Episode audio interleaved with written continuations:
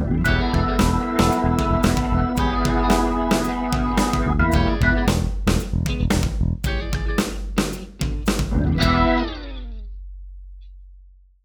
selamat malam uh, Smart People. Selamat datang dalam kegiatan Digital Expert Talk uh, malam hari ini yang merupakan bagian dari rangkaian diskusi terkait dengan rancangan Undang-Undang Perlindungan Data Pribadi atau yang biasa kita sebut sebagai RUU PDP. Kegiatan ini merupakan hasil kolaborasi dari Center for Digital Society Universitas Gajah Mada dan Meta.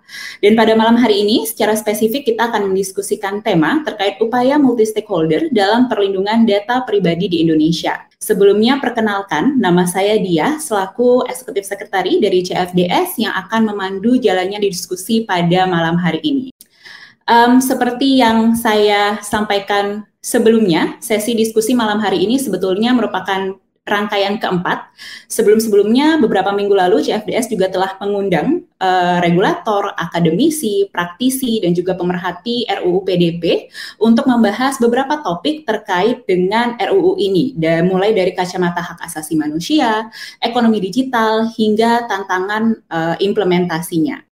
Dari tiga diskusi sebelumnya, terdapat beberapa poin yang menjadi highlight, seperti misalnya pentingnya pemerhatian terhadap hak kelompok rentan dan minoritas, sanksi dan ganti rugi dalam perlindungan data pribadi, badan otoritas independen perlindungan data pribadi, serta edukasi masyarakat terkait dengan uh, data pengguna.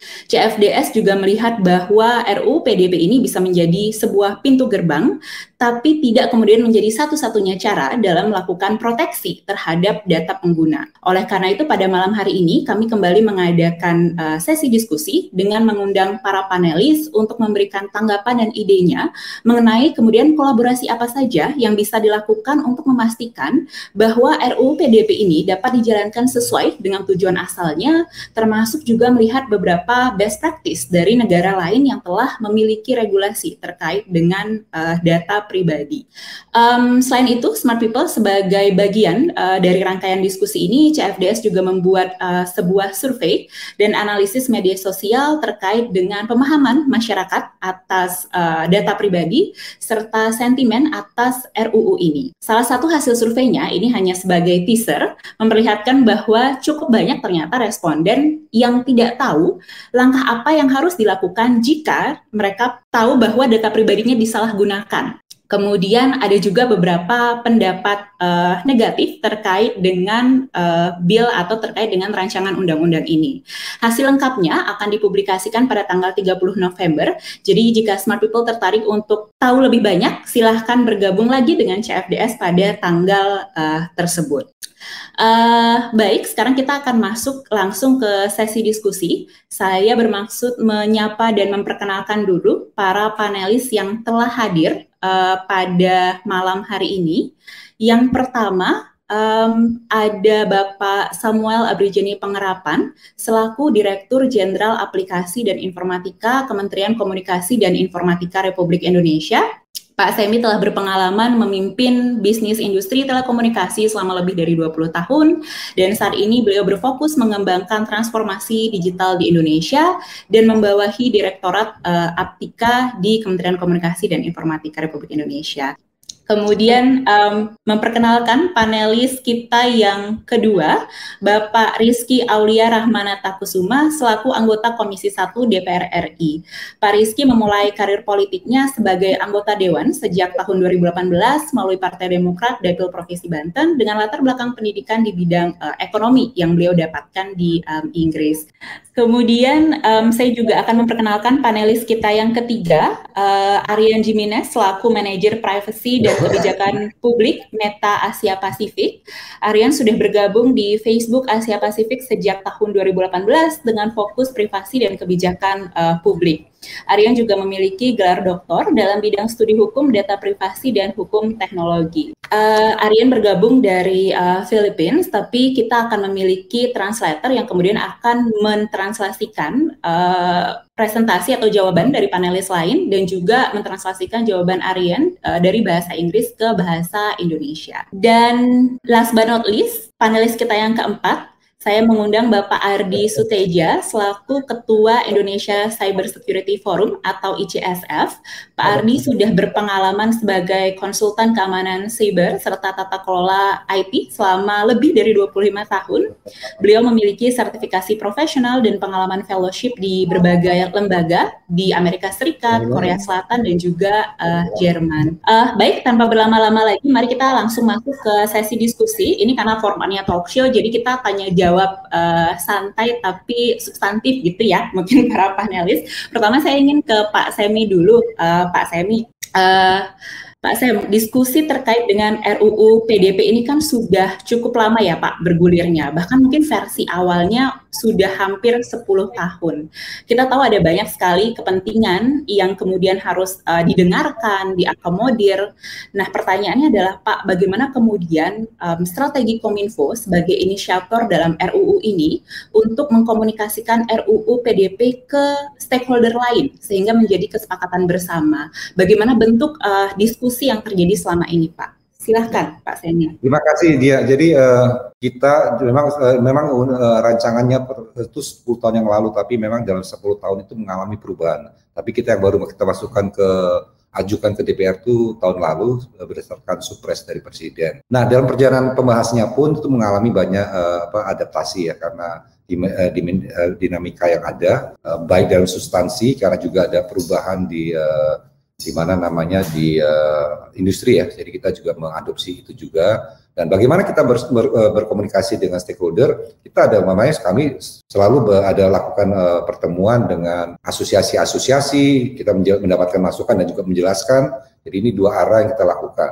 Tapi uh, yang ingin kami uh, kedepankan sini bahwa undang-undang ini adalah untuk melindungi data-data uh, pribadinya masyarakat dan juga bagaimana juga kita bisa mengedepankan kepentingan nasional kita. Ini adalah yang yang kita ingin dorong bahwa ini adalah tanggung jawab pemerintah di mana pemerintah mengupayakan sebagai uh, apa kehadiran negara bagaimana kita melindungi. Sebenarnya pada saat ini juga kita sudah mempunyai undang-undang atau regulasi yang terkait perlindungan data pribadi. Di Kominfo sendiri kami ada yang namanya uh, PP 71 di situ dijabarkan juga terkait apa namanya uh, prinsip-prinsipnya. Nah, tapi kan kita perlu sebuah undang-undang yang komprehensif. Jadi uh, kalau dikatakan apakah ada kekosongan hukum enggak, kita sudah ada, sudah punya juga. PP 71 itu sudah berjalan dan kami tiap kali memeriksa ada kasus-kasus terkait pelanggaran pelindungan data pribadi, ya kita menggunakan undang-undang ITE itu. Sayangnya di undang-undang ITE itu cuma satu pasal yang kita jabarkan uh, di dalam PP 71-nya. Nah, kalau kita punya undang-undang ini, dan ini bisa juga membuat uh, apa namanya semua pihak berupaya berupaya bagaimana mengoptimalkan perlindungan data pribadi. Kenapa? Karena pada saat di era digital ini data kita ini pasti dipertukarkan. Untak aja bilang bahwa per bulannya itu ada 230 exabyte.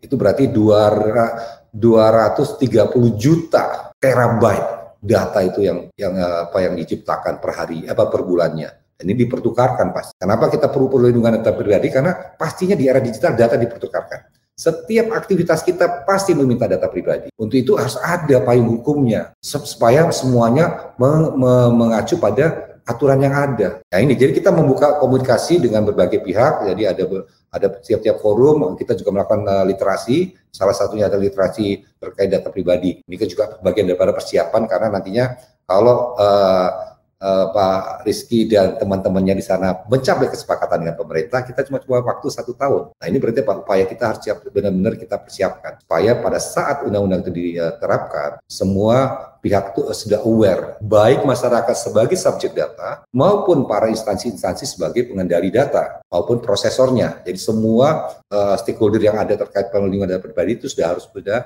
punya awareness yang tinggi. Itu kira-kira uh, dari saya dia. Terima kasih. Makasih Pak Semi. Mungkin ini lanjut ke pertanyaan kedua ya Pak, masih berkaitan gitu. Uh, secara dalam proses formulasinya tentu ada komunikasi dengan stakeholder-stakeholder terkait, Pak. Kemudian uh, bagaimana dengan implementasinya? Karena dari tiga dari diskusi CFDS sebelumnya ada beberapa uh, masukan atau ada beberapa pertanyaan seperti misalnya apakah RUU PDP ini bisa diimplementasikan oleh organisasi atau industri skala kecil dan menengah? Karena kan banyak requirement-nya ya Pak, misalnya memiliki data protection officer, kemudian apabila ada uh, kelalaian uh, dalam menjaga data pengguna, kemudian akan ada sanksi.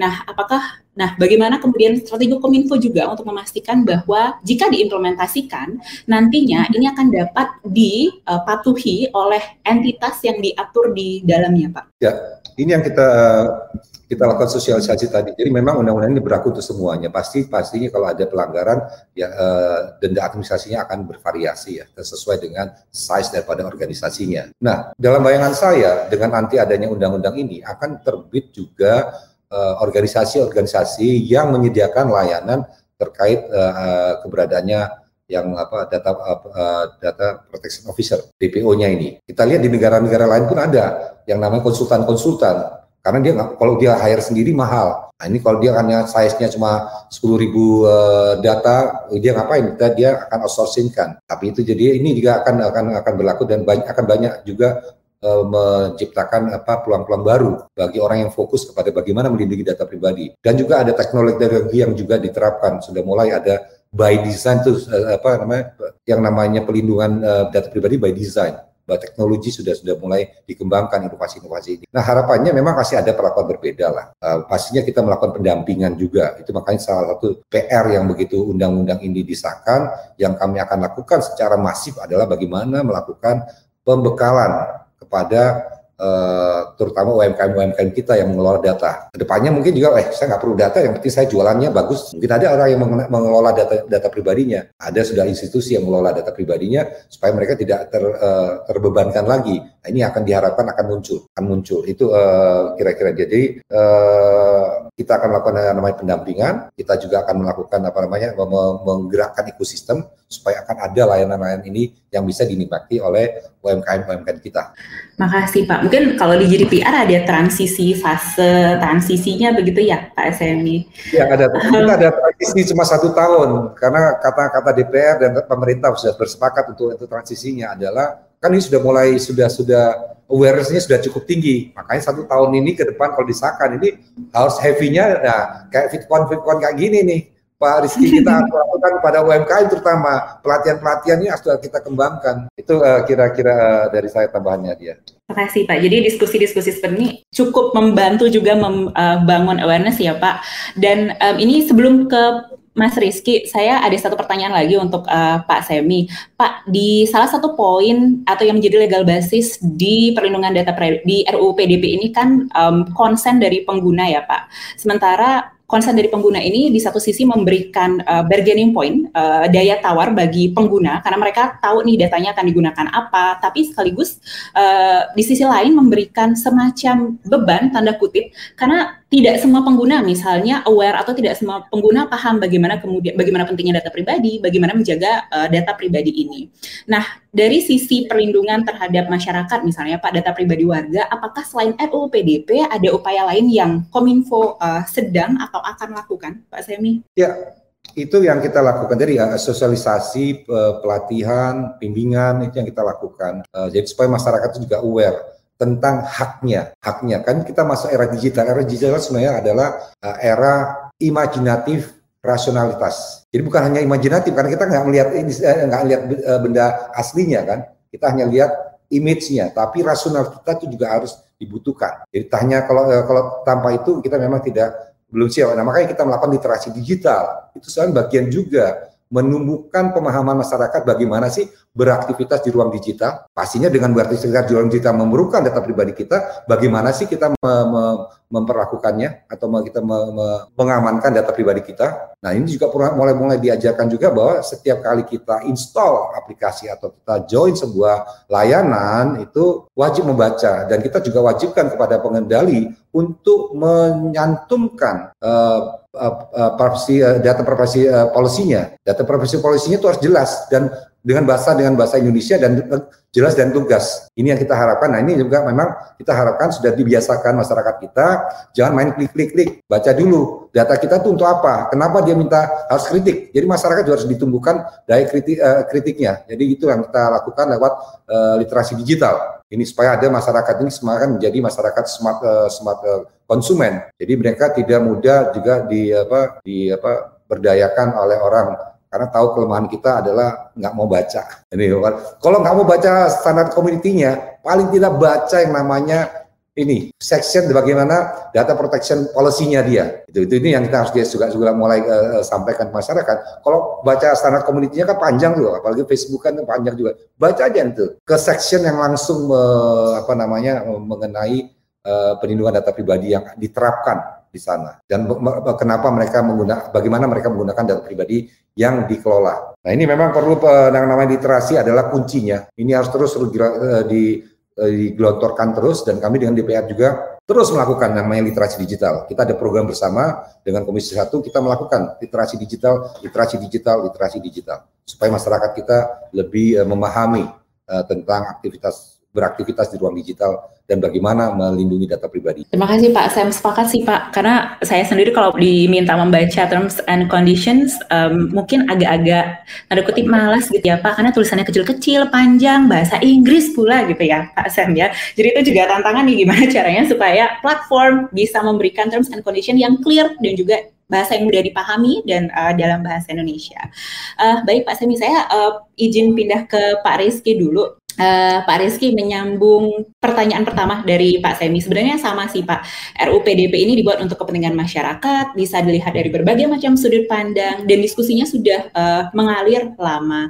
Nah, uh, bagaimana DPR kemudian mengakomodir kepentingan banyak pihak ini, baik perusahaan teknologi, masyarakat, bahkan pemerintah misalnya dalam hal uh, kedaulatan negara. Bagaimana proses penyelarasan beragam kepentingan ini, Pak Rizky? Ya, terima kasih. Ini penting banget. Uh, pertama, uh, apa uh, Central for Digital Society dari UGM bekerjasama dengan Meta uh, sudah apa membuat uh, diskusi seperti ini. Saya juga senang ada Pak Semi di sini dan dan teman-teman uh, pemerhati ataupun pelaku uh, ekonomi digital yang yang ikut turut hadir di, di acara saat ini. Jawaban pendeknya nggak nggak mudah, Mbak.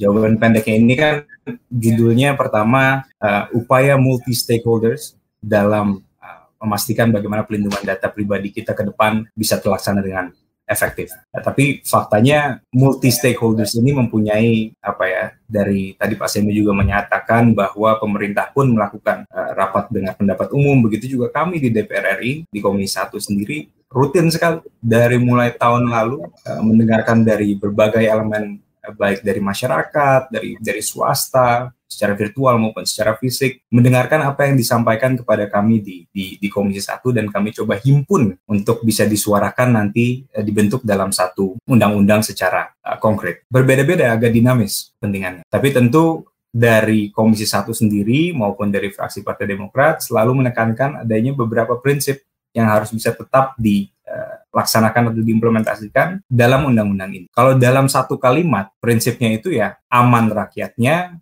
untung bisnisnya dan maju ekonomi digital. Itu secara secara gamblang intinya prinsipnya seperti itu. Tapi apa ini artinya? Di dalam awal ataupun apa namanya? di awal rancangan undang-undang perlindungan data pribadi sudah ditulis prinsip atau landasan dasar utamanya adalah perlindungan hak asasi manusia seperti yang Mbak Mbak Dia sampaikan uh, tadi. Jadi itu harus tetap dijunjung tinggi. Tapi kita juga mengerti bahwa swasta harus diberikan ruang private sector harus bisa diberikan ruang karena tadinya kan kita menganggap ini sebagai breakthrough data analysis dengan big data dan lain sebagainya. Tapi karena marak sekali, makin ke sini makin marak terjadi dengan apa terkait dengan peretasan data, terus ada lagi masyarakat sekarang kalau anak muda itu uh, apa namanya takut di di subject to surveillance biasanya. Anak-anak kalau lagi nggak dipakai laptopnya dia suka pakai double uh, tape untuk ditutup gitu si si kameranya. Itu sendiri sudah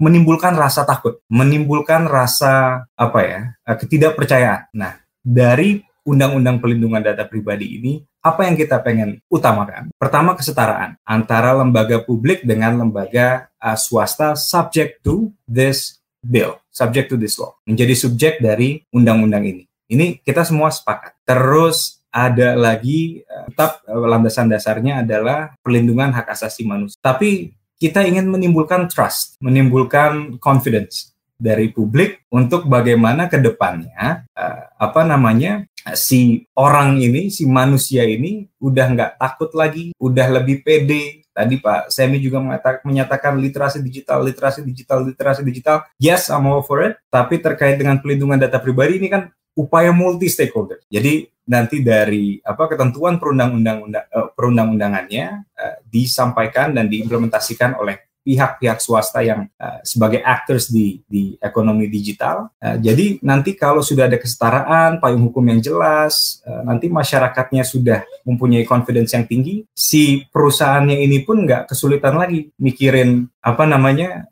bagaimana menimbulkan atau meningkatkan confidence atau trust dari publiknya. Fokus kepada improvement di services dan produk dan kualitas produk yang yang mereka ciptakan untuk memenuhi apa demand dari dari dari dari dari para konsumen ini ini yang yang kita ingin coba terapkan jadi yes uh, protection of human rights uh, sebagai landasan utama tapi di sisi ekonomi digitalnya pun kita harus bisa memberikan uh, ruang yang yang yang jelas untuk uh, para pelaku usaha di, di di sektor ekonomi digital untuk bisa mengembangkan sektor tersebut di, di Indonesia. Oke, uh, menarik sekali uh, Pak Rizky karena di ekonomi data yang Pak Rizky sampaikan tadi, trust dan confidence dari publik ini penting ya Pak untuk uh, boosting, untuk akselerasi um, ekonomi digital.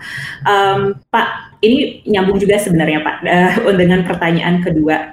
Uh, tadi Pak Semi juga mengatakan prosesnya sudah ya setahun begitu kurang lebih uh, diskusi-diskusinya. Mulai mulai panas. Uh, Enggak. aja.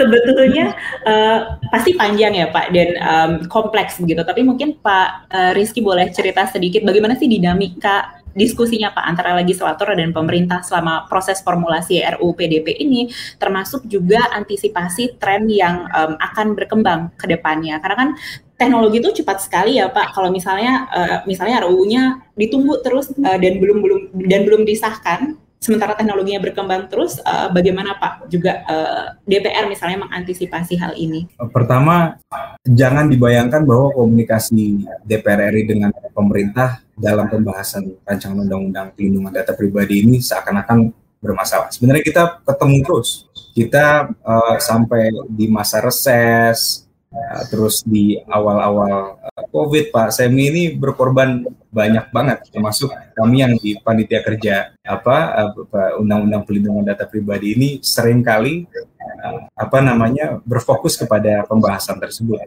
rightly gitu. Tapi uh, yang kita ingin sampaikan sebenarnya mayoritas dari poin-poin atau substansi dari uh, rancangan undang-undang pelindungan data pribadi itu sendiri sebenarnya sudah ada kesepakatan baik antar fraksi di Komisi 1 ataupun di DPR RI maupun antara DPR RI dengan dengan pemerintah. Di mana mungkin ada uh, ke ada ada sedikit berbeda pandangan.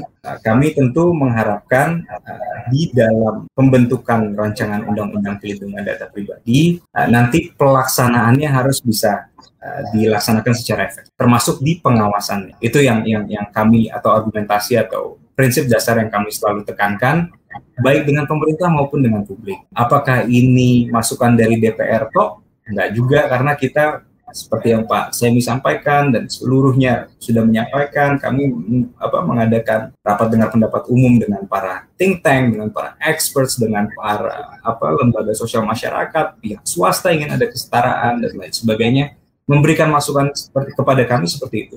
Jadi intinya apa? Dalam pengawasan yang nanti harus ada unsur independensi yang jelas, yang konkret, yang bisa apa yang terukur karena apa banyak bagian dari uh, publik pun yang yang kalau mendengar kata independen agak alergi. Tapi yang kita ingin sampaikan sebenarnya, yang kita ingin terapkan adalah kesetaraan tersebut. Nanti uh, undang-undang pelindungan data pribadi ini akan berlaku bukan hanya kepada pihak swasta, tapi juga kepada lembaga publik. Nah, jadi pengawasnya kita pandang uh, apa harus bersifat secara objektif dan independen. Nah, di, di kata independennya ini sebenarnya yang kita sedang diskusikan. Nanti ke depan kita harapkan sebenarnya nggak nggak ya, terlalu sulit. Uh, kita harapkan nanti bisa ada titik temu dengan dengan pemerintah atau Kementerian Kominfo terkait dengan ini. Tapi insya Allah kita pengennya cepat kita pengen cepat, Pak Semi pengen cepat, kita di DPR juga, ya ampun, ini desakan udah dari sana sini, untuk bisa diselesaikan khususnya dari para korban. Kita audiensi juga bukan dengan think tank apa segala macam, dari para korban juga. Nah ini ini ini tentu menjadi dorongan moral uh, kepada kami untuk uh, bagaimana rancangan undang-undang perlindungan data pribadi ini bisa diselesaikan uh, dengan segera. Makasih Pak Rizky. Saya pikir uh, tadi yang poin yang Pak Rizky sampaikan tentang proses komunikasinya sangat penting ya Pak untuk disampaikan di sini. Karena kadang media mungkin memframingnya dengan gaya bahasa yang berbeda begitu ya Pak ya. Ada benturan-benturan yang wajar mungkin sebetulnya tapi ya sekali lagi framing uh, dan juga pembicaraan mbak, di media sosial. Mbak dia kan apa uh, student of apa PR and communication saya saya baca di di Warwick uh, University. Jadi emang media pasti fokusnya nggak mungkin dong Komisi satu dengan Pak Semi atau Pak Menteri Kominfo bersetuju nggak ada yang baca tapi sebenarnya pembahasannya konstruktif. Adapun perbedaan kita nggak tutup tutupin.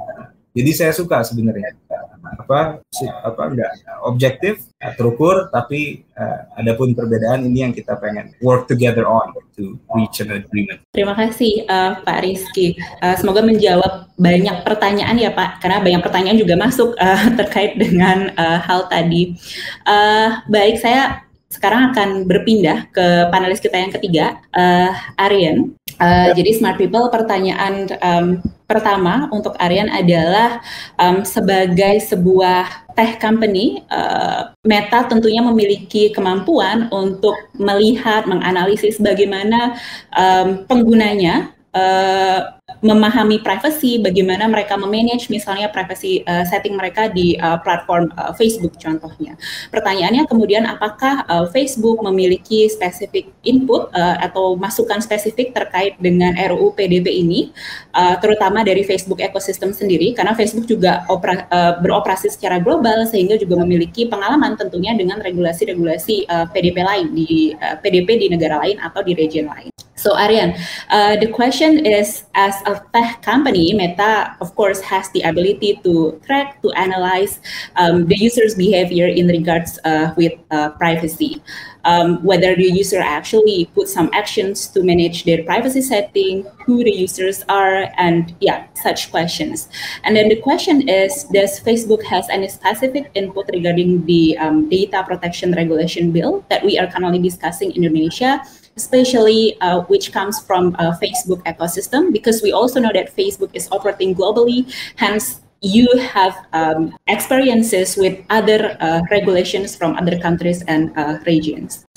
Thank you so much. And I would like to apologize in, in advance that my lighting is less than ideal. And if, if I disappear here in the middle of the broadcast. That's because of my internet connection. I'm currently in the middle of my quarantine period um, since I just flew into Manila. So apologies in advance to, to the people watching. But thank you so much for, for that question. Um, for, for the past few years, Meta has been advocating for a globally harmonized framework for effective privacy for, for quite some time now. And similar to other members of the private sector, we've been actively engaged in consultations and discussions in Indonesia and across the Southeast Asian region. Um, because currently, um, various Southeast Asian countries have been drafting their first generation data protection laws or amending existing data protection legislation on your point about um, getting input from from the ecosystem yes uh, that's something that we have been focusing on in fact we've been partnering with various educational institutions with trade associations civil society organizations even think tanks in building hosting and supporting various multi-stakeholder forums dedicated to discussing and providing feedback on data protection. And in fact, here in Indonesia, we've been involved with organizations such as IFA to organize roundtable discussions so we can bring together stakeholders, to talk about the data protection bill. And these forums, these events, it's just one way for us to hear the views of other stakeholders about the personal data protection bill. Um, and I can get to our specific input or the thoughts we have on the data protection bill, but I think I'll pause there so we can have a quick translation if, if that's what you'd like. Yeah. Thank you, Arian. I, I will, uh, yeah, uh, please, Mbak Ayu. Sebelumnya saya meminta maaf atas koneksi saya yang kurang baik. Saat ini saya sedang ada di Filipina dan sedang dalam karantina dan koneksi saya, internet saya agak kurang baik sehingga mungkin seperti yang Anda dengar mungkin tadi suara Aryan agak putus-putus juga. Um, baik, Meta selama 12 tahun selama ini telah berperan banyak dan ber, uh, bekerja sama dengan berbagai negara untuk memberikan advokasi bagi perlindungan data. Di berbagai negara kami telah diminta untuk berdiskusi dan juga memberikan konsultasi untuk baik menciptakan dan berperan serta dalam Undang-Undang Perlindungan Data maupun juga memperbarui Undang-Undang Perlindungan Data mereka. Kami bekerja sama dengan institusi maupun organisasi untuk membangun dan mendukung semua upaya-upaya untuk memberikan perlindungan data yang baik. Dan juga event-event semacam ini adalah di mana kami juga sangat senang untuk berpartisipasi untuk membawa berbagai pemangku kepentingan untuk mendiskusikan pentingnya perlindungan data. Over to you, Ariane. Thank you so much. And then and the specific points on the pursuit of protection based on, on our experience here in the region and also based on our observations on the developing data protection laws globally, especially in the past few years. In, in yeah. view, ideal data protection laws are focused around core ideas. The first is that people should have rights over their information, rights that they can expect to be honored by anyone, any organization who holds it, whether public or private. And these rights should also be subject to reasonable limitations. And these limitations are typically found in various data protection laws around the world. Second is that organizations such as Facebook, or um, other organizations that hold people's data, the government should be subject to obligations to handle that data responsibly. And third, these obligations should be enforced by a single, dynamic, and innovative regulator that has robust enforcement powers, embraces creative, innovative regulatory tools, is focused on providing education to stakeholders I believe, as Paxemi mentioned a while ago, digital literacy is very important, especially as we're talking about data privacy. And this regulator should be empowered to provide recourse when consumers have complaints and they should also enforce privacy rules in an effective, consistent, and predictable way. So again, I'll pause there so we can have some translation. Jadi terkait dengan perlindungan data ini ada beberapa poin yang ingin saya tekankan. Pertama, bahwa semua orang berhak atas data-data pribadi mereka dan juga perusahaan yang memegang data pribadi harus juga menghormati data dari pengguna ini. Kemudian yang kedua, pemerintah memiliki kewajiban untuk melindungi data para penduduknya. Dan kemudian yang ketiga, bahwa kewajiban ini berarti bahwa ada peraturan yang ditetapkan dan demikian juga bahwa pemerintah harus memberikan edukasi dan juga memastikan bahwa adanya catatan apabila ada pelanggaran terhadap data privasi atau privasi data. Over to you, Aryan. And in addition to those three core ideas, Meta also believes that effective privacy legislation should embody the following principles. One is that the law should ensure meaningful protections and compliance obligations. It's not just about checking the box of certain requirements. That means an ideal privacy law is a risk based approach that's focused on the right outcomes. Um, a good privacy law should also be technology neutral and future proof. This means that they are efforts or principles based instead of specifying technical standards. Because when laws specify specific technical standards, they can easily get outed quite quickly. And any data protection law should also enable innovation and encourage the free and safe cross-border flows of data, especially in a global digital economy. Um, a, data uh, a data protection law that's ideal should also be applicable to organizations of big and small sizes. And it prioritizes responsible data practices and it also incentivizes and encourages organizations to use privacy protective technologies or privacy protective practices. I'll pause there and then I'll go on after IU. Thank you. Terkait dengan legislasi yang efektif, ada beberapa poin yang harus dipertimbangkan. Yang pertama adalah kepatuhan yang bermakna. Artinya, ini berarti bahwa kita tidak semata-mata hanya menyentang kotak-kotak saja bahwa oke okay, peraturan ini sudah dilakukan akan tetapi memang sudah diterapkan sehingga itu merupakan kepatuhan karena datang dari kesadaran. Kemudian yang kedua, pendekatan yang digunakan haruslah ber, merupakan pendekatan berbasis risiko. Kemudian yang ketiga, legislasi haruslah bersifat netral secara teknologi, yang berarti bahwa ini tidak akan menggunakan standar standar teknologi yang spesifik sehingga penerapan ke depannya, kapan pun diterapkan ini akan bisa tetap berlaku. Yang keempat adalah bahwa ini haruslah bisa berlaku kepada semua institusi maupun organisasi besar dan kecil dan juga mendorong penerapan dan mempermudah penerapan baik di organisasi atau institusi ataupun perusahaan kecil, besar maupun menengah. Over to you, Aryan. And then uh, with regard to specific input on the personal data protection bill, we we have um, quite a quite a lot of comments that we've provided to various stakeholders already, but perhaps I'll focus just on two tonight. Otherwise, we'll go on for hours and hours. Um, but of course, we we'd of course like to express our deep appreciation in knowing that um, various stakeholders in Indonesia are are working towards enacting the Personal Data Protection Act quite quickly because the the global community is excitedly waiting for a personal data protection bill for Indonesia, which is one of the largest economies in Southeast Asia. Um, two examples of areas in the personal data protection bill which we and expect to be considered are first on the issue of verification, and the second, uh, which was touched on uh, by two of the previous speakers a while ago, is on the issue of consent.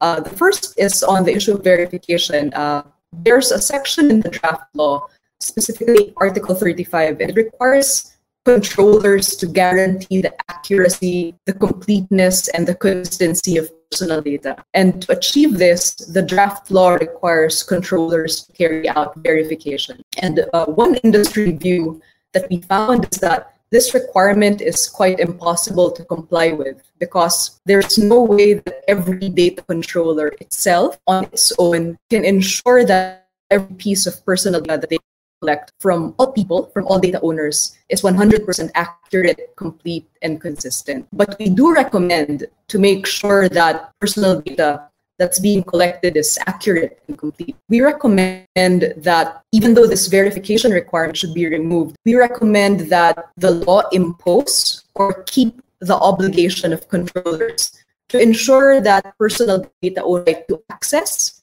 and have a right to correct data if that's inaccurate. And that's actually already in the Personal Data Protection Bill. On the second recommendation, which is on consent, currently the Personal Data Protection Bill does not explicitly contemplate different forms of consent, such as what's called deemed consent or implied consent. And in doing so, currently the bill does not anticipate situations where a data owner's deemed or implied consent is acceptable. Um, implied consent it arises when consent may be reasonably inferred from the action or inaction of the individual. And this is a concept that's seen in some of the strongest privacy laws globally in Singapore, Japan, Australia, and Canada. And typically, deemed consent by conduct, it applies to situations where the individual voluntarily provides um, their personal data to the organization and purposes are limited to those that are objectively obvious and reasonably appropriate from the surrounding circumstances. So those are just two of the recommendations that we have, but I'll pause there so we can move on to other questions from Dia and also for a quick translation. My apology, Ariane. Some of uh, your points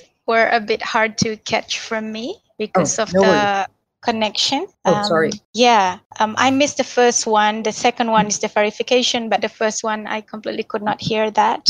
And also the second recommendation, I missed that as well. Would you be willing to sum it up? Oh, sure. Again. Um, uh, but Okay, sorry, uh, Aryan and Mbak Ayu, would you mind if um, I invite uh, Mas Rino just to sum up quickly the last two points that Aryan mentioned because I also had some troubles with, uh, yeah, uh, di internet connection. Mas Rino, no would you please, ya. Yeah. Baik, selamat malam uh, Bapak Ibu semuanya. Selamat malam Pak Dirjen, Pak Rizky, Pak Ardi. Saya izin membantu uh, Aryan untuk transaksi sedikit. Uh, jadi pada dasarnya dari Facebook kami uh, dan sorry dari Meta kami mendukung uh, dan menunggu sebenarnya uh, rancangan UPDP dan ada dua uh, rekomendasi tadi yang disampaikan oleh Aryan. Uh, yang pertama dan yang memang sudah uh, beberapa kali kami diskusikan bersama teman-teman di DPR RI dan Kominfo juga adalah kewajiban uh, platform untuk melakukan verifikasi 100%. 100% ini berarti memastikan akurasi, uh, memastikan uh, seluruh data yang masuk itu adalah tepat dan ini dapat membuka potensi uh, potensi lebih banyak data lagi yang diambil dari subjek data. Sementara kalau kita lihat best practices dari uh, negara lain dan dari eh, tempat-tempat uh, di mana uh, Meta sudah uh, comply atau sudah patuh terhadap peraturan uh, setempat, spiritnya itu adalah minimal data. Spiritnya itu adalah uh, data yang uh, sedikit-dikitnya seperlunya. Jadi kalau uh, kita memaksakan verifikasi ini harus 100%, akan sulit bukan hanya untuk platform media sosial, tapi juga tentunya untuk platform lain dan juga uh, eh, UMKM tentunya untuk uh, memastikan ini. Uh, yang kedua uh, itu tadi Aryan uh, sempat diskusikan mengenai draft yang ada saat ini uh, belum mengakomodir uh, dim consent atau implied consent. Jadi ada berbagai macam consent yang uh, jenis konsen yang bisa dijadikan uh, basis untuk permintaan atau uh, persetujuan data tapi draft yang saat ini masih belum uh, mengakomodir implied consent. Implied consent ini mungkin uh, lebih tepatnya adalah uh, persetujuan yang uh, di sampaikan tidak melalui uh, tertulis ya walaupun implied ini eh, kata-kata uh, yang sangat sangat uh, luas nanti mungkin minta bantuan dari uh, media dan Pak Ardi yang sudah sangat familiar dengan uh, mekanisme konsen untuk menjelaskan juga. Nah di draft yang sekarang belum uh, terlalu mengakomodir uh, implied atau dim consent dan ini nanti juga akan menyulitkan uh, platform dan juga menyulitkan uh, semuanya ya sebenarnya bukan hanya platform uh, dalam memastikan uh, compliance atau kepatuhan kepatuhan uh, organisasi terhadap undang-undang data pribadi. Mungkin itu yang tadi saya uh, bisa rangkum sedikit Mbak Dia. Oke, okay, makasih uh, Mas Rino. Um, Aryan, um, I think I should I have other two questions uh, for you, but uh, since Pak Sam has to leave the discussion in a few minutes, so I have to um, ask two uh, questions to Pak Sam, and then I will get back to you and uh, Pak Ardi as the fourth uh, panelist. Uh, no Pak Sam, okay. uh, Pak Sam, ini ada dua pertanyaan sebelum uh, Pak Sam meninggalkan diskusi, karena tadi saya di info Pak Sam harus uh, beranjak ke agenda lain yeah. pukul 19.30. Yang pertama mungkin address uh, dari Mas uh, dari Aryan dan juga Mas Rino Pak terkait dengan um, implied uh, dan juga dim consent. Apakah um, ada atau bagaimana kemudian um, respon uh, Kominfo atas uh, hal ini, atas masukan ini? Itu yang pertama. Kemudian yang kedua Pak, berhubung di sini ada Pak Rizky, ada juga Aryan, Mas Rino dari uh, Meta dan juga uh, Pak Ardi dari uh, ICSF mewakili uh, society uh, organizations.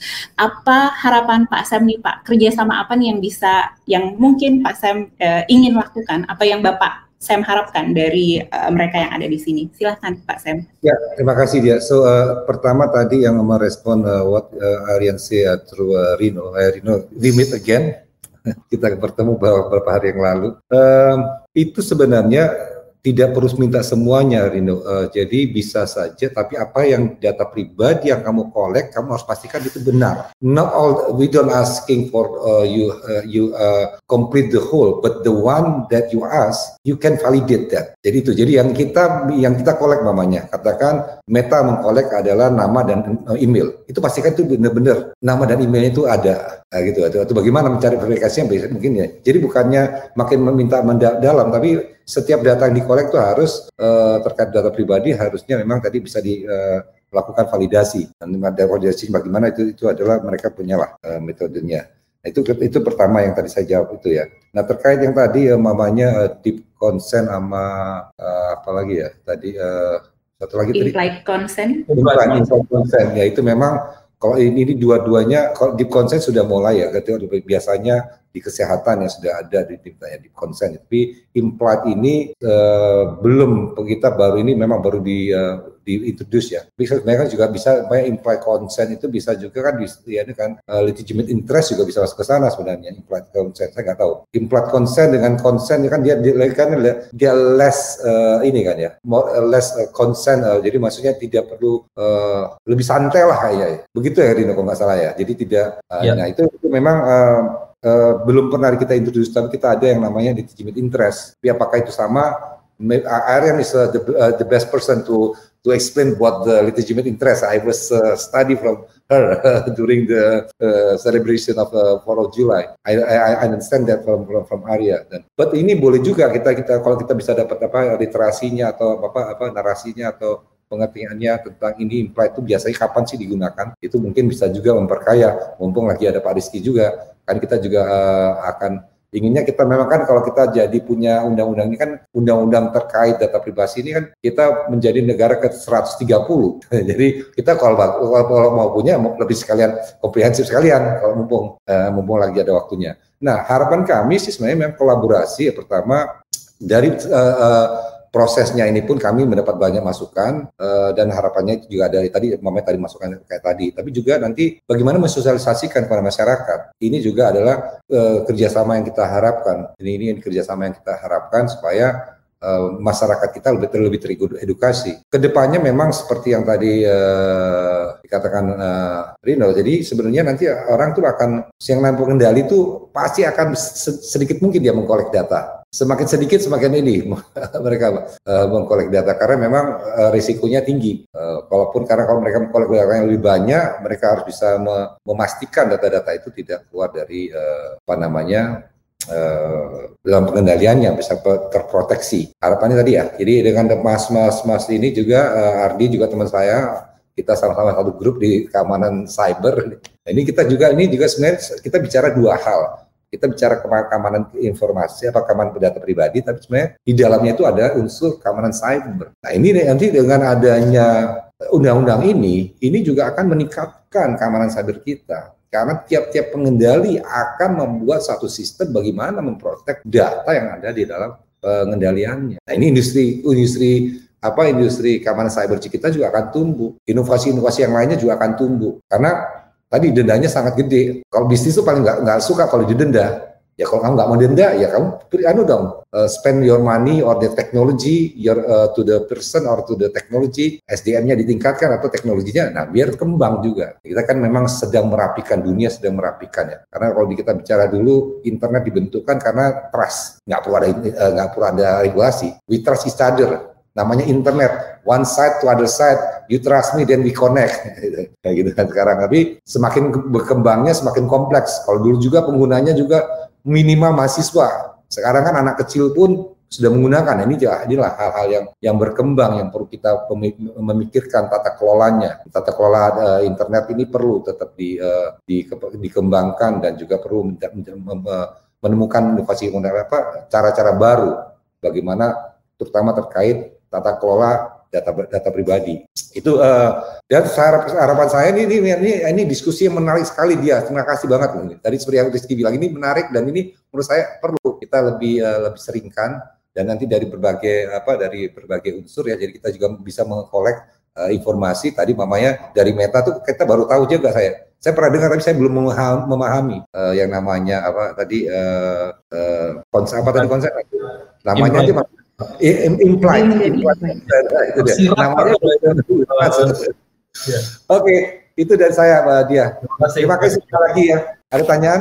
Ada mau tanya? Saya masih ada waktu lima menit Wah, sebelum agenda. Wah, kalau gitu Pak Sam boleh satu pertanyaan lagi ya Pak. Ini dari um, penonton Pak dari Nori Suhendar. Selamat malam uh, Pak Sam. Uh, jika nantinya uh, yang menyalahkan yang menyalahgunakan data pribadi adalah instansi pemerintah, maka prosesnya seperti apa Pak? Baik proses pengaduannya atau ataupun misalnya proses uh, penegakan hukumnya. Silahkan Pak Sam. Mungkin ini kekhawatiran banyak ya. uh, orang ya Pak. Ini, jadi kita harus tahu di pemerintahan itu kalau data itu ada pengelolanya. Di Kementerian Kominfo ada namanya PDSI, itu setara eselon 2. Kalau di kementerian lain ada nama namanya apa Pusdatin. Mereka lah sebenarnya tuh DPO di instansi masing-masing. Kami sudah pernah memeriksa uh, sektor publik juga, namanya EHEC kemarin, punyanya Kementerian ke kesehatan. Kami periksa nggak ada nggak ada. Saya saya ngirim surat ngirim surat aja. Yang ngirim surat malah bukan saya lagi. Anak buah saya. Minta penjelasan kenapa bocor ini ini harus melengkapi aturannya. Kita lakukan audit. Karena kan yang sebenarnya kan kita ingin menjaga kan bukan instansi pemerintahnya rakyatnya. Kok kenapa bisa nih? Undang-undang ini kan ditujukan untuk melindungi rakyat. Dan semua orang harus patuh termasuk pemerintah. Kalau ada keraguan pemerintah nggak bisa memeriksa pemerintahan sendiri ya. Bagaimana militer memeriksa dirinya sendiri kan ada namanya Katakan saja, keadaan yang polisi militer, ada yang namanya kode etik di kepolisian. Ya kami itu itulah, kami merangkap di situ. Jadi kami karena diamanatkan oleh undang-undang, kami berani yang memeriksa instansi pemerintah melakukan pelanggaran bukan kami, kami adalah uh, aparaturnya. Tapi undang-undangnya, dalam menjalankan undang-undang, kami pasti diawasi oleh DPR. Dalam memberikan layanan publik, kami juga diawasi oleh ombudsman. Bagi kami sebenarnya pemerintah, karena kita sistem pemerintahan kita berbeda-beda ya. Nah, di Indonesia ini adalah presidensial ya memang kalau ini menjadi tanggung jawab pemerintah ya biarkan pemerintah bertanggung jawab yang namanya uh, apa independensi atau bagaimana kita menjalankan fungsi kita bukan dalam bentuk uh, apa bukan bentuknya oh ini organisasinya harus uh, kayak gini atau kayak gitu. Nah, kita punya tata kelola tata ketatanegaraan sendiri. Ini kira-kira. Tapi yang akan kita kedepankan adalah eh, tadi kita mengikuti aturan undang-undangnya. Polisi bisa memeriksa polisi yang lain karena ada undang-undangnya, bukan karena uh, dia ini karena ada pelanggaran dan dia mereka bisa memeriksa atau militer melanggar ada mahkamah militer. Nah ini kita juga akan melakukan hal yang sama dan kita melakukan pelakuan yang sama. Kita sudah ada dua instansi pemerintah yang ini ada satu bank bank bapak asuransi uh, uh, plat merah juga kita periksa. Masalahnya sekarang kami hanya sampai rekomendasi, belum ada sanksi. Sanksinya supaya membuat jerah dan mereka memper, melakukan prevensi sebelumnya, memitigasi semua risiko yang mungkin tum, eh, timbul terhadap pengendalian datanya. Kalau dulu uh, Pak, Pak Arji akan mengupas di dalam lagi,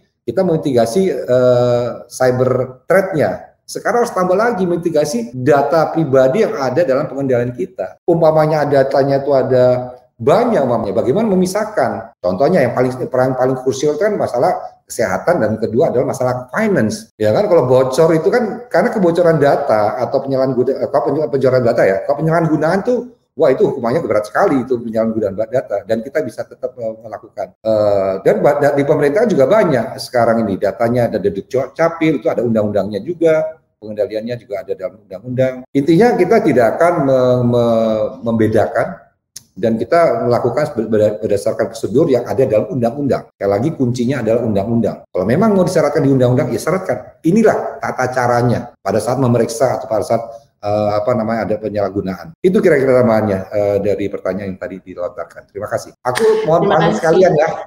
Akhirnya, ya, sorry, cannot stay longer. Pak Rizky, Pak Terima Ardi. kasih Pak Semi. Terima kasih banyak Pak Semi. Sampai ketemu lagi Pak. Sehat-sehat ya. Oke, okay. um, ya uh, Smart People um, menyambung apa yang disampaikan Pak Semi. Uh, semoga bisa menjawab pertanyaannya ya. Karena sekali lagi tadi trust uh, terhadap RUU PDP ini juga menjadi uh, bagian penting untuk nantinya memastikan bahwa semua entitas yang diatur bisa patuh, compliance-nya, uh, compliance rate-nya, compliance rate-nya juga tinggi. Uh, baik, sekarang saya akan pindah dulu ke Pak Ardi sebelum nanti masuk ke sesi tanya jawab dengan semua panelis. Uh, Pak Ardi, isu tentang ya. data pribadi ini kan terkait erat juga dengan keamanan data ya Pak, baik dari baik uh, ketika kita bicara soal kesiapan infrastruktur ataupun misalnya kemampuan sumber daya manusianya. Salah satu poin misalnya di RUPDP ada tentang uh, data protection officer yang artinya ketika misalnya RUU ini diimplementasikan ada kebutuhan akan DPO data protection officer tadi ada kebutuhan akan skill ini dan juga standarisasi atas uh, technical skills-nya. Menurut uh, Pak Ardi sebagai uh, ahli keamanan siber, apakah uh, RUPDP uh, saat ini bisa menjadi pintu masuk penyelesaian banyak masalah terkait keamanan digital atau sebetulnya masih ada tantangan lain lagi yang harus uh, diperhatikan uh, Pak Ardi? Jika iya, seperti apa? Silahkan. Oke, terima kasih Mbak Dia. Bisa dengar saya? Bisa dengar? Oke, okay. uh, eh, terima kasih, jelas. terima kasih Mbak Diah uh, apa um, atas pertanyaan dan kesempatan uh, ikut bisa ikut di dalam acara pada malam ini ya. Uh, my regards to my colleagues from the Philippines, uh, Aryan. Uh, nice to meet you uh, virtually. And uh, jadi begini, uh, saya harus coba jelaskan dulu nih masalah PDP ya. PDP itu kita jangan lihat hanya PDP-nya saja ya. Jangan hanya kita lihat isu yang sekarang berkembang ada uh, semacam uh, apa uh, yang di, uh, yang kita baca di media ada semacam kemacetan pembahasan ya. Uh, karena gini masalah pembahasan RUU PDP ini tidak mudah ya. Tadi Pak Sem sudah sampaikan Pak uh, Rizky sudah sampaikan ya. Dan ini adalah suatu titik puncak perjuangan lebih dari 20 tahun. Ini banyak yang nggak tahu nih ya. Kita tahunya udah jadi rancangan undang-undang tapi tidak tahu perjuangannya bahwa sudah makan waktu 20 tahun lebih ya. Banyak teman-teman yang terlibat ya dari uh, dunia usaha dari LSM ya dan uh, perguruan tinggi itu banyak sekali yang, yang terlibat. Saya masih ingat uh, pertama kali bicara masalah ini ya terkait juga kebocoran data ya yang terjadi kurang lebih hampir 25 tahun yang lalu ya. Uh, itu juga ada pemikiran waktu itu kita inisiasikan di di apa di Kadin ya. Uh, tapi ya itu uh, itu uh, belum bisa dibahas dalam bentuk yang konkret ya jadi sekarang kalau sudah sampai tahap di mana ada rancangan undang-undang uh, perlindungan data pribadi sudah masuk ke uh, apa namanya uh, jalur politik ya pembahasan politik di DPR, saya pribadi harus menyampaikan ini suatu hal yang luar biasa. Artinya 20 tahun sekarang paling tidak ada sesuatu ya. Itu satu. Kedua, RUU PDP ini bukan uh, bukan sesuatu yang bukan obat mujarab ya. Tapi ini adalah uh, kita konek anak tangga ya. Ini langkah pertama kita melindungi data ya Bapak Presiden sudah berteriak-teriak beberapa kali di dalam berbagai kesempatan menyampaikan bahwa data is the new oil. Jadi kita harus berupaya dan kembali lagi segaris bawahi ini rancangan RUU PDP itu bukan hasil karya satu dua orang atau satu kelompok. Ini memang upaya multi stakeholder sejak dari awal. Kita kerjasama dengan Kominfo, kita kerjasama dengan DPR, kita duduk bareng kadang-kadang ngopi sama teman-teman DPR bahkan uh, teman-teman komisi satu juga kadang, kadang uh, anytime sering apa ada beberapa yang suka uh, telepon saya ya dan ini ini kita udah bangun tubuh baik ini ya walaupun kadang-kadang kita berangan pendapat tapi intinya apa yang kita ingin bangun adalah uh, kita punya tujuan yang sama bagaimana sekarang kita melindungi lalu lintas yang ada di dunia digital kita ya. Nah, kembali ke pertanyaan tadi, uh, bagaimana apakah ini akan menjadi obat mujarab? Tidak ya. Pekerjaan rumah kita di digital ini masih panjang ya. Kita harus be, harus uh, mengejar ketertinggalan kita sekian puluh tahun. Uh, kita belum punya yang namanya budaya digital ya. Ada undang-undang masyarakat kita juga tentunya belum literasi hukumnya juga masih sangat rendah ya. Uh, dan itu banyak sekali buktinya uh, yang terjadi ya uh, uh, tidak dibaca kayak tadi Pak Sem bilang ada apa namanya syarat dan ketentuan jadi apa uh, itu apa terms and conditions ya di dalam dalam platform uh, digital itu kan banyak tapi tidak dibaca. Kenapa? Karena cetakannya rapat kecil ya. Kadang-kadang baca juga harus pakai uh, kacamata uh, apa kaca pembesar. Akhirnya apa? Jalan pintas, conteng aja grid, tapi dia nggak tahu isinya apa. Nah ini juga jadi persoalan kita ke depan ya. Terus kedua juga yang namanya kebocoran data tetap akan terjadi. Mau ada undang-undang, mau ada teknologi, tetap akan terjadi. Karena saya sampaikan ya, sejarah kebocoran data, pengalaman saya itu sudah terjadi sejak yang namanya Indonesia punya kartu kredit pertama. Ya, waktu itu ya nasabah bank ya jadi sasaran. Artinya apa? 20 tahun kita ada RUU PDP ini perjuangan ya. Nah langkah berikutnya kita mampu nggak mengantisipasi undang-undang sekarang antisipasi apalagi harus kita perbuat. Nah ini kuncinya ya. Jadi kalau kita bicara SDM, bukan hanya SDM yang pergi melatih diri belajar tentang uh, fungsi ya fungsi dan uh, hukum. Karena bicara PDP itu bukan masalah aspek hukum saja tapi ini adalah aspek yang lebih luas beyond ya beyond legal. Ini yang harus kita pahami ya. Ada teknologi di situ ada keamanan cyber di situ. Kok kita cuma hanya paham tentang hukumnya kita nggak mengerti apa nama itu PDP ya. Jadi ini uh, suatu hal yang harus kita pahami. Dan ke, uh, yang yang terakhir saya ingin sampaikan validitas ya akseptasi PDP itu bergantung pada tiga pilar ya. Yang pertama adalah trust, kedua adalah reputation, ketiga adalah accountability. Nah, tiga ini gimana kita mau bangun? Kita bangun. Dan taruhannya kalau memang perusahaan-perusahaan ini tidak mampu, ada undang-undang tidak mampu melindungi data tetap bocor, kita bilangnya sudah kiamat tuh perusahaan dia mau punya uh, kapitalisasi di apa pasar modal yang triliunan percuma kalau dia tidak bisa melindungi data-data yang ada yang menjadi uh, apa uh, tanggung jawab dia. Ini yang jadi masalah yang kita hadapi. Jadi sehingga uh, saya sangat apresiasi teman-teman di DPR, Kominfo dan lain-lain. Ini tolong segera di, kita jadi undang-undang lah. Udah 20 tahun lebih kita perjuangkan kalau tidak segera masalah lain akan muncul dan kita nggak ngerti apa yang terjadi berikut. Mungkin demikian Mbak Dia. Oke, okay, terima kasih uh, Pak Ardi atas uh, poin-poinnya. Ini sebenarnya nyambung juga sih Pak dengan apa yang tadi Pak Ardi sampaikan terkait trust, reputation, uh, accountability. Um, selain RUU PDP, karena Pak Ardi juga tadi menyebutkan ini bukan obat mujarab, apalagi sih Pak yang perlu dilakukan pemerintah realnya begitu? Apa yang perlu dilakukan oleh pemerintah dan juga sektor terkait uh, untuk melindungi hak digital uh, warga?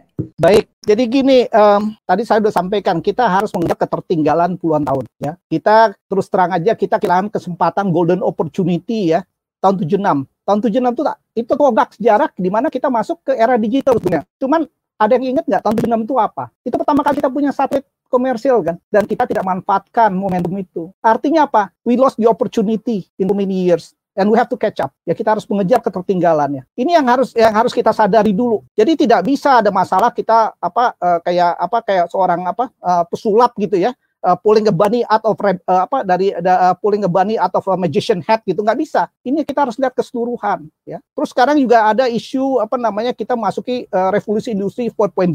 Kita pernah nggak berpikir what happened? Apa yang terjadi di 3.0, 2.0, 1.0? Kita harus belajar sejarah. Kita harus melihat dari helikopter view masalah digitalisasi kita. Kalau kita tidak bisa melihat itu, lantas apa yang mau kita bicarakan. Jadi kembali lagi ini menja eh, menjadi tantangan kita bersama ya, bukan hanya uh, apa uh, dunia usaha ya, teman-teman uh, apa di di DPR ya, ke pemerintah. Ini semua harus kita duduk bareng. Mari kita lihat semuanya harus dari platform yang sama. Kalau kita hanya lihat parsial satu dari sudut pandang ini kita tidak akan melihat masalah intinya. Kembali lagi, jadi ini uh, tantangan luar biasa buat kita ya, dan ini uh, apa namanya terus terang aja uh, yang sekarang kita hadapi itu adalah kulminasi dari problem-problem sebelumnya yang kita tidak sadari.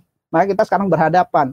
Makanya kembali lagi uh, ini perlu kita dorong ya kita harus bekerja sama ya kayak uh, dalam forum-forum seperti ini nih suatu forum yang sangat baik ya dan menarik buat saya untuk uh, apa uh, berdiskusi. Nah ini yang yang kita kita harus lihat harus kita gali persoalan-persoalannya. Nah kita bisa aja ngomong uh, saintifik ya ilmiah di dalam forum ini tapi kita pernah kepikir bagaimana yang 193 lebih juta masyarakat yang pengguna internet, apakah mereka bisa nangkap apa yang kita bicarakan? Ini yang jadi pertanyaan kan? Seperti itu Mbak Dia, yang yang yang kita hadapi dan yang saya hadapi di lapangan seperti itu. Terima kasih Pak Adi, tetap ya Pak. Uh, streaming uh, isunya lebih banyak lagi yang uh, paham tentang data pribadi dan juga tadi uh, bergerak lebih cepat untuk finalisasi uh, RUU ini.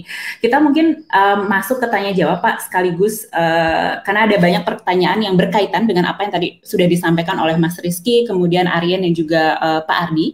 Saya ke Mas Rizky dulu. Mas Rizky, ini saya sebenarnya cuma mengutip uh, Pak Ardi begitu ya. Uh, kita perlu bergerak lebih cepat Pak, katanya untuk finalisasi uh, eh, PDP ini. Um, terkait itu ada juga mungkin Pak uh, Mas Rizky juga nanti bisa menyampaikan uh, tanggapannya ya untuk uh, statement itu. Dan satu lagi uh, Mas Rizky ada pertanyaan terkait uh, dari Hilda di uh, Unisba um, Mas Rizky pas uh, DPR pasti mendapat banyak kontra terkait dengan poin-poin yang ada di RUU PDP ini. Apakah boleh di-share Mas uh, kontra yang paling besar atau pendapat kontra yang saat ini masih menjadi perdebatan itu uh, apa dan bagaimana kemudian upayanya untuk menerima aspirasi dari uh, pendapat kontra tersebut? Silahkan Mas Rizky. Ya Mbak Dia, terima kasih. Terima kasih juga Pak Ardi udah udah memberikan masukan. Ini pertama kali saya ketemu sama Pak Ardi, tapi suara beliau terkait dengan pelindungan data pribadi memang kita sering dengar di, di Komisi Satu. Ya setuju, lebih cepat lebih baik. Kalau bisa selesai soon, ASAP, as soon as possible, kita kita bisa selesaikan. Dan ini juga sebenarnya tadi menyangkut uh, beberapa poin yang udah disampaikan sama Pak Semi ya. Uh, terus juga uh, apa menyangkut pertanyaan kedua sebenarnya apa tadi uh, kontra statement atau uh, permasalahannya intinya tuh di di mana gitu kan. Atau maksudnya begitu kan mbak Dia uh, ya udah udah rahasia umum sebenarnya uh, salah satu permasalahan inti di mana belum ada titik temu atau kita harapkan segera ada titik temu dengan dengan pemerintah itu adanya di lembaga pengawas pelaksanaan undang-undang nanti. Nah, tadi disampaikan uh, sama Pak Semi tentu kita hormati visi dari pemerintah karena pemerintah juga salah satu stakeholdersnya. Tapi uh, banyak yang hampir keseluruhan dari dari apa namanya audiensi yang kita laksanakan baik dengan apa namanya uh, lembaga sosial masyarakat uh, baik dari apa namanya para expert, para pemerhati dan lain sebagainya, para korban idealnya kita menciptakan atau menunjuk satu lembaga yang bersifat objektif dan independen.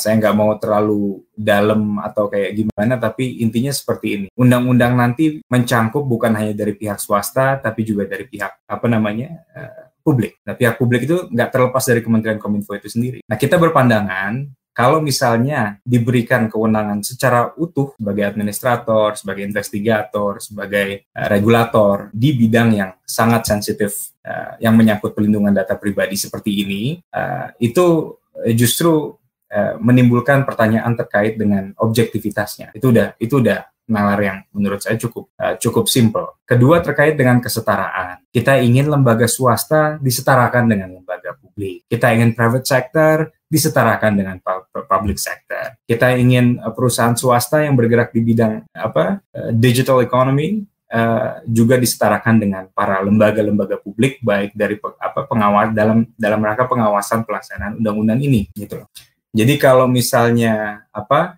uh, tadi Pak Semi mengatakan Kominfo selama ini di di uh, eh, apa supervisi oleh Komisi 1 DPR, ya tentu itu tugas kita di Komisi 1 untuk melegislate, budgeting, dan juga uh, supervision. Tapi kan kita, saya dari Dapil Banten 1, Mbak Dia, di Pandeglang semua orang Pandeglang menitipkan kepada saya tolong harus ada lembaga terus tolong harus ada apa. Mereka pedulinya kan kebanyakan tentang infrastruktur lah tentang apa. Kita tidak mempunyai pemahaman yang secara komprehensif. Saya, saya secara terus terang kita kita sampaikan. Jadi kalau misalnya kita melaksanakan pengawasan pelaksanaan undang-undang dengan mekanisme seperti ini menurut saya itu nggak nggak nggak terlalu efektif gitu. Ini sebenarnya perbedaan yang selama ini apa ya dan kita nggak pernah tutup-tutupin gitu. Antara pemerintah ataupun dengan komisi satu nggak pernah menutupi bahwa memang di sini. Nah pandangan saya kita perdebatkan kita gali kita diskusikan unsur independensinya ini.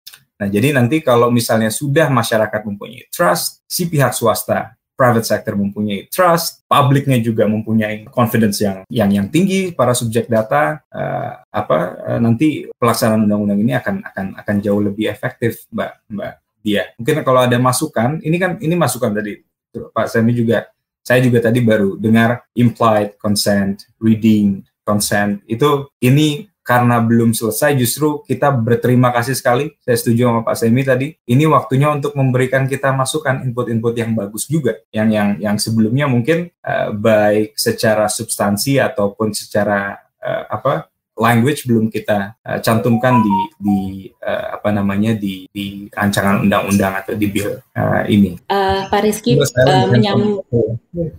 Sorry. Oke, okay. Pak Rizky, uh, mungkin menyambung satu pertanyaan ya Pak dari audiens, karena tadi Pak Rizky kan membahas tentang uh, lembaga independen ini. Um, pertanyaannya dari uh, Lia Wulandari, lembaga independen ini proyeksinya Pak, nanti fungsinya pengawasannya sejauh mana? Apakah bisa memberikan sanksi atau ada proses uh, adjudikasi? Dan kemudian apakah pengawasannya dilakukan secara reguler atau berbasis uh, laporan, Pak Rizky?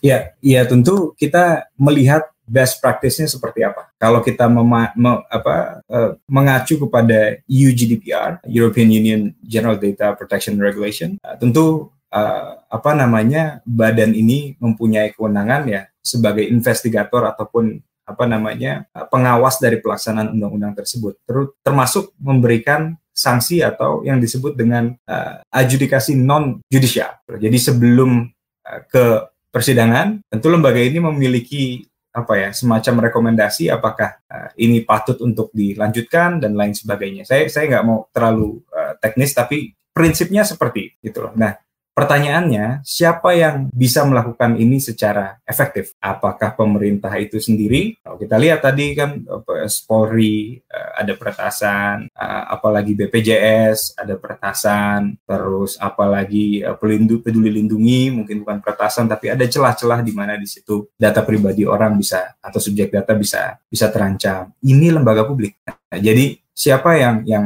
yang bisa uh, best supervise atau investigate kalau misalnya ada permasalahan terkait dengan pelindungan data pribadi. Prinsip kami di Komisi 1 uh, sampai saat ini adalah yang terbaik adalah ada badan di mana ada unsur independensi di situ. Ini unsur independensi seperti apa? ya nanti ada fit and proper testnya, ada unsur dari pemerintah, ada unsur dari masyarakat, ada unsur dari swasta. Nah ini ini selama ini seperti itu. Jadi uh, kita ingin mengarah ke sana, tapi kalau pemerintah mempunyai visi ataupun pandangan di luar visi tersebut, di luar prinsip tersebut, kita harus negosiasikan memang. Karena uh, apa namanya kita juga ingin melihat adanya titik temu dan seperti kata Prof. Ardi atau Pak Ardi tadi, uh, kalau bisa cepat diselesaikan, kita ingin selesaikan. Kami di Komisi Satu juga ingin selesai. Ini ibu bukan ada yang menahan atau apa, tapi menurut pandangan saya pribadi, walaupun tadi saya tegaskan bahwa ingin ada titik temu, tapi kalau sampai nanti tidak ada unsur independensi dari si pengawas ini, nanti bisa ada permasalahan-permasalahan yang muncul uh, ke depannya yang harusnya bisa dimitigasi dari pembentukan lembaga tersebut uh, bisa bisa uh, bermasalah. Makasih uh, Pak Rizky uh, untuk uh, sharingnya. Saya uh, akan lanjut ke Aryan karena tadi kita terputus ketika kita bicara soal best practice dan uh, dari tadi uh, dan kita banyak berbicara tentang uh, independent regulatory body tadi ya. Mungkin apakah ada best practice misalnya dari region atau negara lain yang telah memiliki RUU PDP terkait dengan um, independent uh, regulatory body. So Arian, we've been uh, discussing about independent regula regulatory body, which uh, has been um, discussion uh, between uh, DPR and also uh, Ministry of Communication and Informatics. So, since we are talking about um, best practices, do you have any um, lesson learned, any um, yeah, and, any best practice uh, in regards with this independent regulatory body that perhaps we can learn from? Sure thing. Happy to share. And uh, just to verify, are you able to hear me, or is there lag time right now? Okay, sounds good. Thank you. So for this has been a, a, very interesting discussion, especially when it comes to the ideal data protection regulator. And for Meta, actually, globally, we've been advocating for um, any data protection law to ensure that there is a single regulator that's empowered to enforce the law in a way that's predictable, that's consistent, and technology neutral. And based on the trends that we're seeing globally, a data protection authority is typically one that's independent. And there are various reasons for this. And, and you would see that uh, this is the usual um, the usual characteristic of a data protection authority, um, especially in the more recent uh, privacy laws that we're seeing uh, emerging in, in the past few years, especially those that are patterned after the EU GDPR, which I heard was, was being referenced by uh, by Pakrisky a while ago. Um, if a privacy law is typically patterned after the EU GDPR, an independent data protection authority is usually the type of data protection authority uh, that is being enacted or that is being promoted by, by privacy law. Um, in fact, there are certain cases where um, certain privacy authorities would not be included in certain global privacy assemblies if they themselves are not independent. So that might be one consideration that policymakers may want to look. at. If they want to ensure that the Indonesian Data Protection Authority will be included, for example, in the Global Privacy Assembly, typically members of that Global Privacy Assembly are independent data protection authorities. Even when it comes to intelligence and data sharing between government agencies, especially between data protection authorities. What I've heard from um, think tanks and academics is that typically this sharing of intelligence and data occurs also more often than not between independent data protection authorities. But in, in addition to that, an ideal data protection regulator um, is also one that's empowered to enforce laws in an innovative way. So typically, this would involve um, the use of regulatory tools such as regulatory sandboxes or policy prototyping programs. That's one. Uh, an ideal data protection authority is also one that seeks broad input from various stakeholders. So, uh, a consultative regulator would be one that is uh, quite positive in terms of uh, developments. Uh, an ideal data protection regulator is also one that issues clarifying rules when it comes to procedural matters like complaint handling and substantive areas like handling data in sensitive contexts.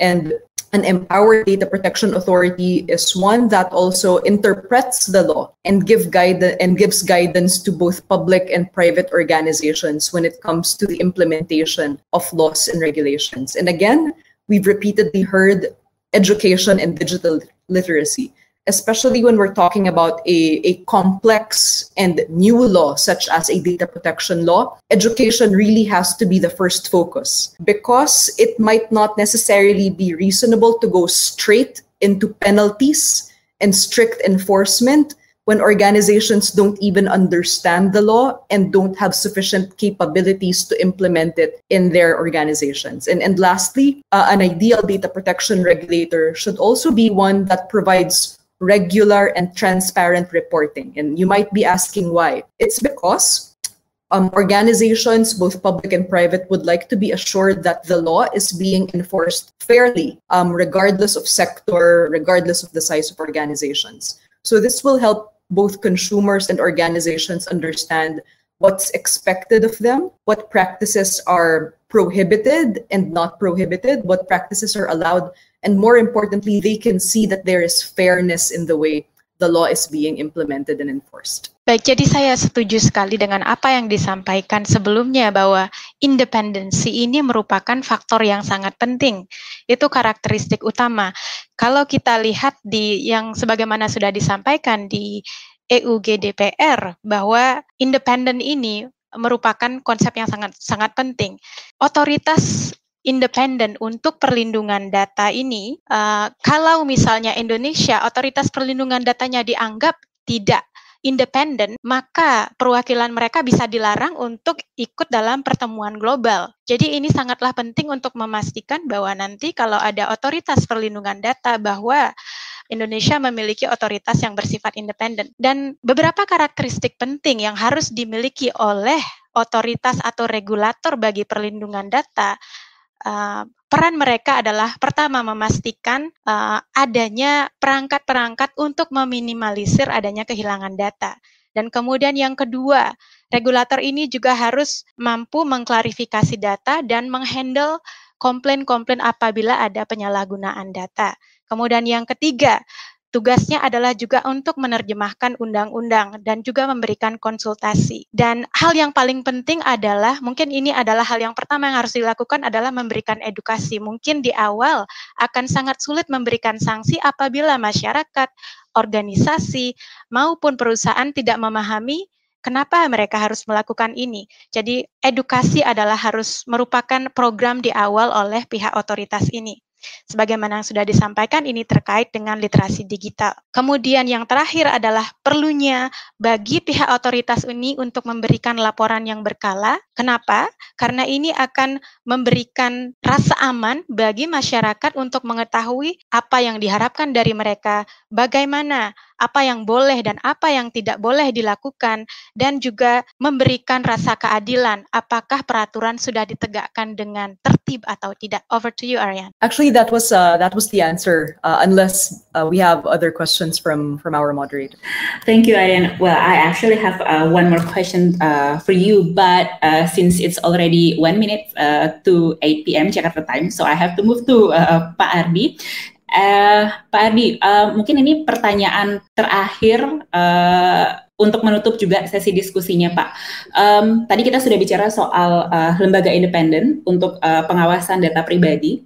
Tapi selain uh, tentang lembaga independen, apakah dari Pak Ardi yang mewakili organisasi, profesi dan juga masyarakat sipil dan pakar keamanan siber, Pak, bagaimana sebetul, uh, bagaimana Pak Ardi melihat uh, substansi dari RUU PDP ini? Apakah ada um, hal spesifik yang ingin Pak Ardi garis bawahi atau Pak Ardi ingin uh, berikan masukan? Silahkan Pak Ardi. Terima kasih Mbak Dia. Ya ini penting ya, penting sekali ya. Kalau kita bicara uh, SRO ya, self-regulating organization ya. Ini bahasa bahasa apa? Bahasa klasiknya kalau dari zaman dulu itu adalah SRO. Jadi memang benar um, lembaga akan memegang peranan yang sangat sangat strategis ya di dalam membangun tiga pilar yang saya sebutkan sebelumnya ya. Kalau itu tidak diawaki oleh orang-orang yang kompeten, jadi kompeten itu punya uh, uh, jadi kompeten itu luas. Ya. Uh, eh, RU ini harus diawaki oleh mereka-mereka yang multidisipliner.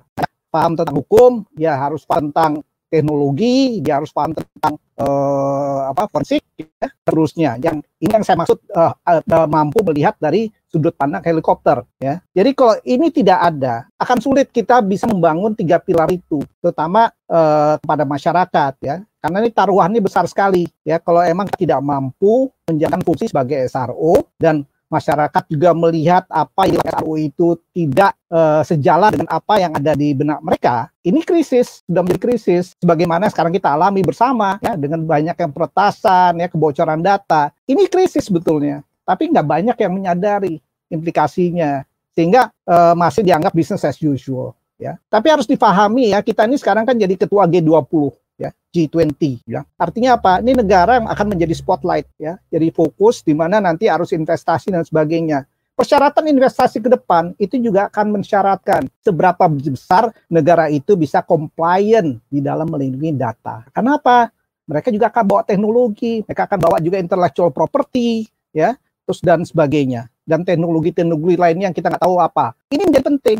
Maka uh, saya bilang uh, apa ini harus segera uh, apa RUU PDP ini harus segera kita kita apa sepakati ya. Perbedaan pendapat bisa dijembatani kalau mau dijembatani tentunya saya juga udah bilang ke Pak Sem dan teman-teman kok perlu saya jadi wasit, saya akan jadi wasit yang netral, saya tidak berpihak, saya akan ngomong paling keras di dalam forum itu, tapi bagaimana caranya sekarang kita bisa benar-benar memiliki RUU PDP dulu. Tidak sempurna, tapi paling tidak kita harus punya sesuatu. Karena tantangan yang kita hadapi ini lebih besar daripada apa yang kita bahas di dalam forum ini. Ada hal yang kita belum juga melihat, ya. Ada ya, ada yang belum kita anticipate. Nah inilah ya makanya saya bilang harus uh, apa namanya multidisipliner. Karena ini adalah ilmu-ilmu baru di kita yang belum ada diajarkan di perguruan tinggi atau sekolah mana pun. Sehingga kita perlu eh, apa bersama-sama duduk ya membangun kemampuan kita memahami ya memahami apa yang akan kita hadapi. Nah ini yang saya saya sampaikan berkali-kali di dalam berbagai kesempatan ya. Eh, kita harus kolaborasi bersama ya. Jangan lihat oh ini si Ardi dari si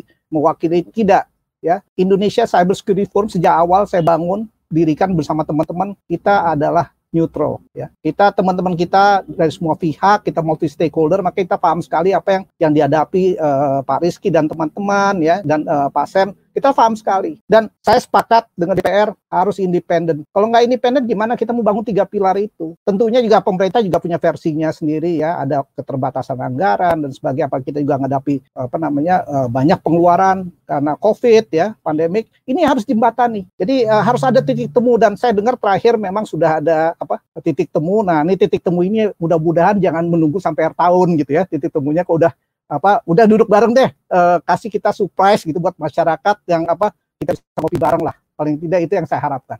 Terima kasih. Uh, terima kasih Pak Ardi. Um, oke okay, ini saya di notifikasi kalau kita masih punya satu uh, slot singkat saja uh, pertanyaan sebelum betul-betul merweb uh, saya janji ini pertanyaan terakhir. So Aryan uh, I've been notified that uh, we got a um, few minutes left before we wrap up uh, the discussion. So one um, quick question. One, I promise this will be the last uh, question that I ask. So, uh, tech companies such as Meta holds very important role in um, user uh, data protection, um, and we know that um, okay, aside from um, adhering to the regulations, because of course um, Meta must adhere the, uh, to the regulation where they are operating uh, in the countries uh, where they are operating. We are um, curious what else or how uh, Meta protects uh, the user personal data. Is there any um, tools that Meta use, or is there any approach that uh, Meta um, has been doing so far? Sure thing. Happy to answer that. I'll cover just some of the major improvements we've made to privacy at Meta in the past couple of years. And this does not cover everything, especially in the interest of time, but I do want to share with you the continuous progress we've made in four areas on privacy at the company in recent times. First is our privacy review process. The second is our privacy governance structure in the company. The third is how we deal with third parties so these might be service providers or app developers outside of the company who have access to data. And fourth is our approach to design. So the first one that I mentioned is the privacy review process. And this is the process by which the company assesses privacy risks that involve the processing of people's information. And this process is designed to help identify and mitigate the privacy risks that we identify. So that process, it's a deeply collaborative, uh, cross-functional process across the company that makes sure that we're able to see anything happens. Um, and then as part of that, we've included and introduced technical. Uh, reconnect nggak Aryan? Oke, okay, saya saya lanjutkan deh sampai Aryan reconnect ya. Tadi pertama Aryan uh, sampaikan mengenai privacy review. Itu adalah uh, satu proses yang di uh, implementasikan di uh, platformnya Meta. Jadi di mana uh, pengguna Meta itu bisa uh, melakukan uh, recheck ya, recheck uh, privacy settings mereka seperti apa. Karena tadi concern yang pertama dari media uh, membaca privacy itu panjang, bahasanya juga kadang-kadang bahasa Inggris. Nah kita berikan panduan, jadi pengguna itu langsung uh, melakukan langkah demi langkah untuk memperkuat uh, privasinya di di platform uh, di platform uh, Meta. Jadi itu yang pertama tadi uh, privacy review. Terus uh, belum bisa connect nih. Apa aku lanjutin aja nih, Aryan? Boleh Mas Rino, karena kita harus wrap up uh, sebentar oh, iya. lagi. Oke, okay, yang kedua itu tadi governance framework. Jadi pada dasarnya uh, kita melakukan uh, yang dinamakan privacy by design. Jadi di seluruh uh, platform yang dimiliki Meta itu uh, privacy sudah menjadi uh, fondasi dari platform tersebut. Meaning uh, bukan platform yang dibuat dulu baru dipikirkan privasinya, tapi bagaimana privasi featuresnya itu dibuat uh, dan dipikirkan uh, terlebih dahulu uh, dan baru uh, produknya itu dikembangkan. Juga di secara internal kita melakukan melakukan uh, mekanisme kepatuhan yang jauh lebih ketat sekarang, uh, terutama dalam uh, pelatihan uh, sumber daya manusia yang ada di Meta bagaimana supaya bisa uh, meningkatkan tanggung jawab dan uh, make sure semuanya di perusahaan Meta comply dan patuh terhadap uh, privacy uh, regulation yang ada di uh, Meta. Dan yang terakhir tadi disampaikan Aryan third party oversight. Jadi uh, pihak ketiga uh, kita uh, appoint experts, appoint NGOs itu untuk uh, memberi masukan dan juga memberi review ya apa saja yang uh, bisa ditingkatkan dari uh, kebijakan privasi maupun fitur-fitur privasi yang ada di uh, platform Meta. Mungkin secara singkat itu Mbak Dia tadi uh, Aryan pasti detailnya lebih banyak, cuman uh, waktunya juga saya lihat sudah sangat sempit. Jadi uh, itu additional features yang kita tambahkan di Meta. Okay. Uh, Oke, okay, baik Mas Rino. Uh, kalau begitu mungkin jawaban Mas Rino tadi semoga peserta uh, yang lain lebih, mendengar lebih jelas ya, karena tadi saya sempat terputus di tengah-tengah. Um, sekaligus mengakhiri sesi diskusi kita di malam hari ini. Saya pikir uh, panelis, keempat panelis sepakat bahwa perlindungan data privasi ini merupakan hal yang penting, RUU PDP uh, penting, uh, tapi bukan uh, obat mujarab, tadi mengutip kata Pak Ardi, dan tentunya ada banyak kepentingan yang harus diakomodir. Semua ingin RUU PDP PDP ini segera um, disahkan, segera diimplementasikan. Tapi sekali lagi, um, RUU ini sangat kompleks, uh, banyak uh, kepentingan, banyak sudut pandang juga yang harus dipertimbangkan sehingga uh, diskusi, uh, kemudian uh, masukan dan juga kerjasama multi stakeholder ini tentunya menjadi semakin uh, penting. Kemudian hal lain yang saya garis bawahi juga terkait poin trust, kredibilitas uh, dan transparansi dan yang tidak kalah pentingnya adalah pemahaman uh, masyarakat sebagai salah satu aktor utama dari uh, perlindungan data pribadi. Um, mungkin itu uh, sedikit yang bisa saya sampaikan kembali. Uh, terima kasih banyak untuk para panelis, terima kasih banyak Pak Rizky, uh, Pak Ardi, Aryan yang mungkin sudah uh, left the meeting, Mas Rino uh, atas tanggapannya. Um, sekali lagi terima kasih, mohon maaf apabila ada tadi kesalahan-kesalahan uh, teknis dan karena keterbatasan waktu mungkin hanya sedikit pertanyaan yang bisa kita um, explore. Sekali lagi terima kasih banyak, semoga sehat selalu Pak Rizky, uh, Pak Ardi, Mas Rino, dan semoga kita bisa berjumpa lagi di kesempatan-kesempatan uh, lainnya. Terima kasih, selamat malam.